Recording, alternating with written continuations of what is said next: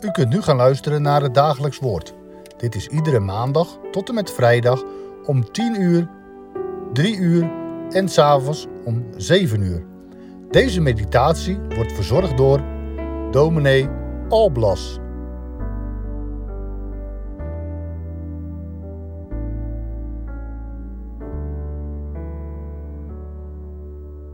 We lezen vandaag verder uit het Evangelie van Marcus, hoofdstuk 14, vandaag vers 27 tot en met 31.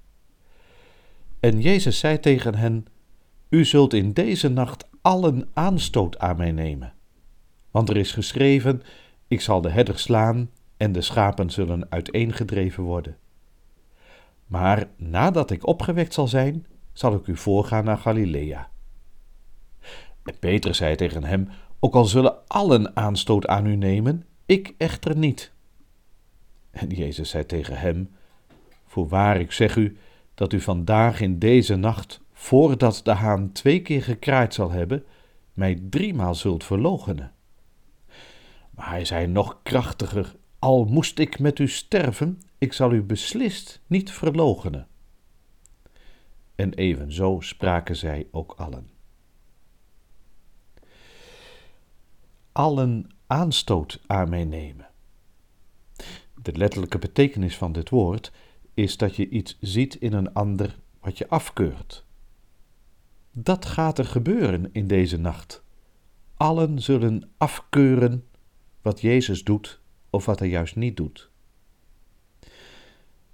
Het is wel een begrijpelijke reactie, een soms ook heel herkenbare reactie. Misschien hebt u ook wel eens moeite met bepaalde gebeurtenissen in de wereld, in uw eigen leven. En dan moeite met wat God doet of wat hij juist niet doet. Soms zie je inderdaad mensen struikelen over Jezus, omdat Hij mensen ziek laat blijven, hoeveel er ook gebeden wordt. Omdat Hij mensen die geloven toch laat vallen. Zo voelt het dan. Zo ziet het eruit. Zo praten anderen erover. Waar is die God van je dan? Het is de grote aanvechting die ook de dichter van Psalm 42 en 43 meemaakt. Het is de grote aanvechting waar ook Psalm 22 mee inzet. Mijn God, mijn God, waarom hebt u mij verlaten? We zien het soms gebeuren bij medebroeders en zusters in het geloof. Je voelt het soms gebeuren in je eigen leven teleurgesteld in wat God doet of juist niet doet. En je struikelt, je valt, je zakt weg, je gaat onderuit in je geloof en in je vertrouwen. Jullie zullen allemaal aanstoot aan mij nemen.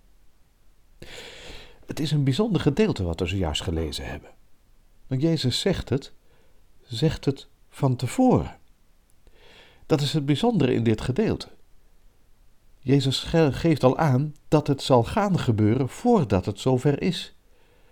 Daaruit blijkt al dat Jezus aangeeft dat wat er gaat gebeuren niet buiten hem omgaat, dat hij daar geen slachtoffer van is, maar dat hij nog steeds de regie heeft.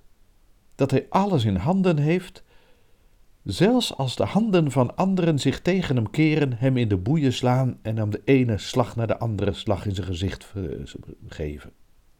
Als hij geen koning wordt, niet op de troon gezet wordt, maar in elkaar geslagen wordt. Hij laat zich slaan. Hij geeft aan dat dit is wat er moet gebeuren. Hij gebruikt zelfs een tekst die in het Oude Testament al te lezen valt. Wat hierachter zit gaat al veel verder terug. Denk nu niet dat Jezus alles uit handen laat vallen. Maar hij zegt het al van tevoren, zoals Johannes ook in zijn evangelie schrijft, zodat als het dan gebeurt, je het je zult herinneren.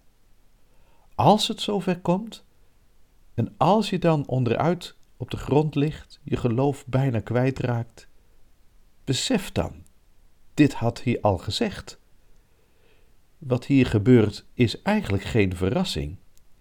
Is iets niet wat zomaar me overkomt. Maar al van tevoren heeft hij gezegd dat het gebeuren zou. Juist dan leer ik dat zijn woord waarheid is. Dat er gebeurt wat Hij heeft gezegd. Dat Hij toch alles in handen houdt. Dat waar Hij voor waarschuwde, ja, dat gebeurt. En weet u, die tekst hè, van ik zal de herder slaan en de schapen zullen uiteengedreven worden, is wel een hele diepe tekst in dit gedeelte. Het woordje uiteendrijven alleen al. Dat kun je ook gebruiken bij het ziften van de tarwe. Als er flink geschud wordt om het kaf en het koren van elkaar te scheiden. Dat is ook het uiteendrijven. Lucas beschrijft ditzelfde gebeurt, dezezelfde gebeurtenis. En hij zegt dan inderdaad: De Satan heeft begeerd u te ziften als de tarwe. Jazeker, dat gebeurt er hier. Het is uiteengedreven worden. De Satan is aan het ziften, aan het schudden. Doet er alles aan om ons van ons geloof en vertrouwen af te halen. Om ons inderdaad onderuit te laten gaan in ons geloof en alles te verliezen. Maar nee, het is uiteindelijk God zelf die alles in handen houdt. Het is God zelf die regeert. Het is Jezus zelf die tegen dat siften van de tarwe en dat uiteengedreven worden van de schapen zegt: Ik heb voor u gebeden dat uw geloof niet ophoudt. Tegenover dat uiteengedreven worden van de schapen staat die herder die zich laat slaan. Die zich laat slaan voor ons. Die de weg van het kruis gaat. Om onze zonden te verzoenen. Om die duivel te verslaan. Om ons het houvast te geven waarmee we leven kunnen en sterven kunnen. Ja, dat is ook wel het bijzondere hier. Het eindigt niet met het sterven. Het eindigt niet met een aanstoot nemen en met uiteengedreven worden. Hij zegt het erbij, nadat ik opgewekt zal zijn. Alles staat nog steeds in het teken van de overwinning. De Satan verliest alle grip op levens van mensen. Omdat Jezus bidt, omdat Jezus met zijn bloed bij de Vader voor ons pleit. Omdat onze straf gedragen is. Omdat de zonde en de dood zijn overwonnen omdat de herder uiteindelijk de herder is die zijn leven voor ons heeft gegeven, die als een lam is geslacht, maar die de overwinnaar is. En zo wordt ons een houvast aangereikt, ook vanmorgen, of van de middag, of vanavond, net wanneer u dit gedeelte luistert. Een houvast voor het leven. Een houvast waarmee we aan een dag kunnen beginnen. Een houvast waarmee je een dag kunt beëindigen en je ogen kunt sluiten. Wat er ook is, wat er ook gebeurt, de herder zal over mij waken. Er is een bijzonder gezang, en ik lees twee versen uit dit gezang, gezang 42, waarin ook deze woorden van die herder en dat uiteengedreven worden, worden bezongen. Hoe vreemd dat voor de schapen zijner weide de herder zelf ter slagbank zich liet leiden de Heer zich voor de schulden zijner knechten aan het kruis liet hechten.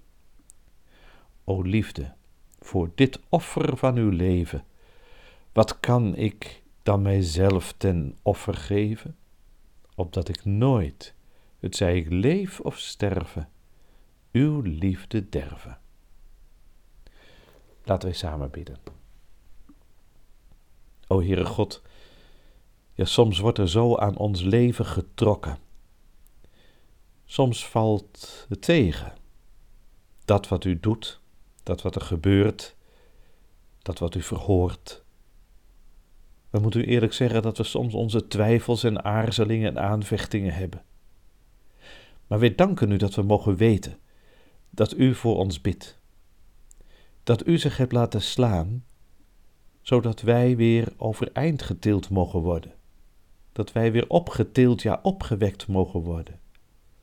O God, geef ons werkelijk zicht op de weg die u ging, zodat we onze twijfels mogen loslaten en ons mogen scharen achter u, de goede herder die uw leven voor ons hebt gegeven.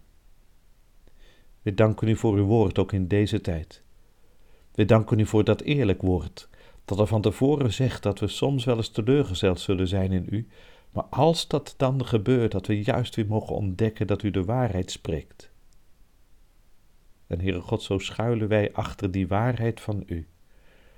Bidden wij om uw kracht, om uw zegen, om uw troost, om uw Heilige Geest, om bemoediging om vol te kunnen houden.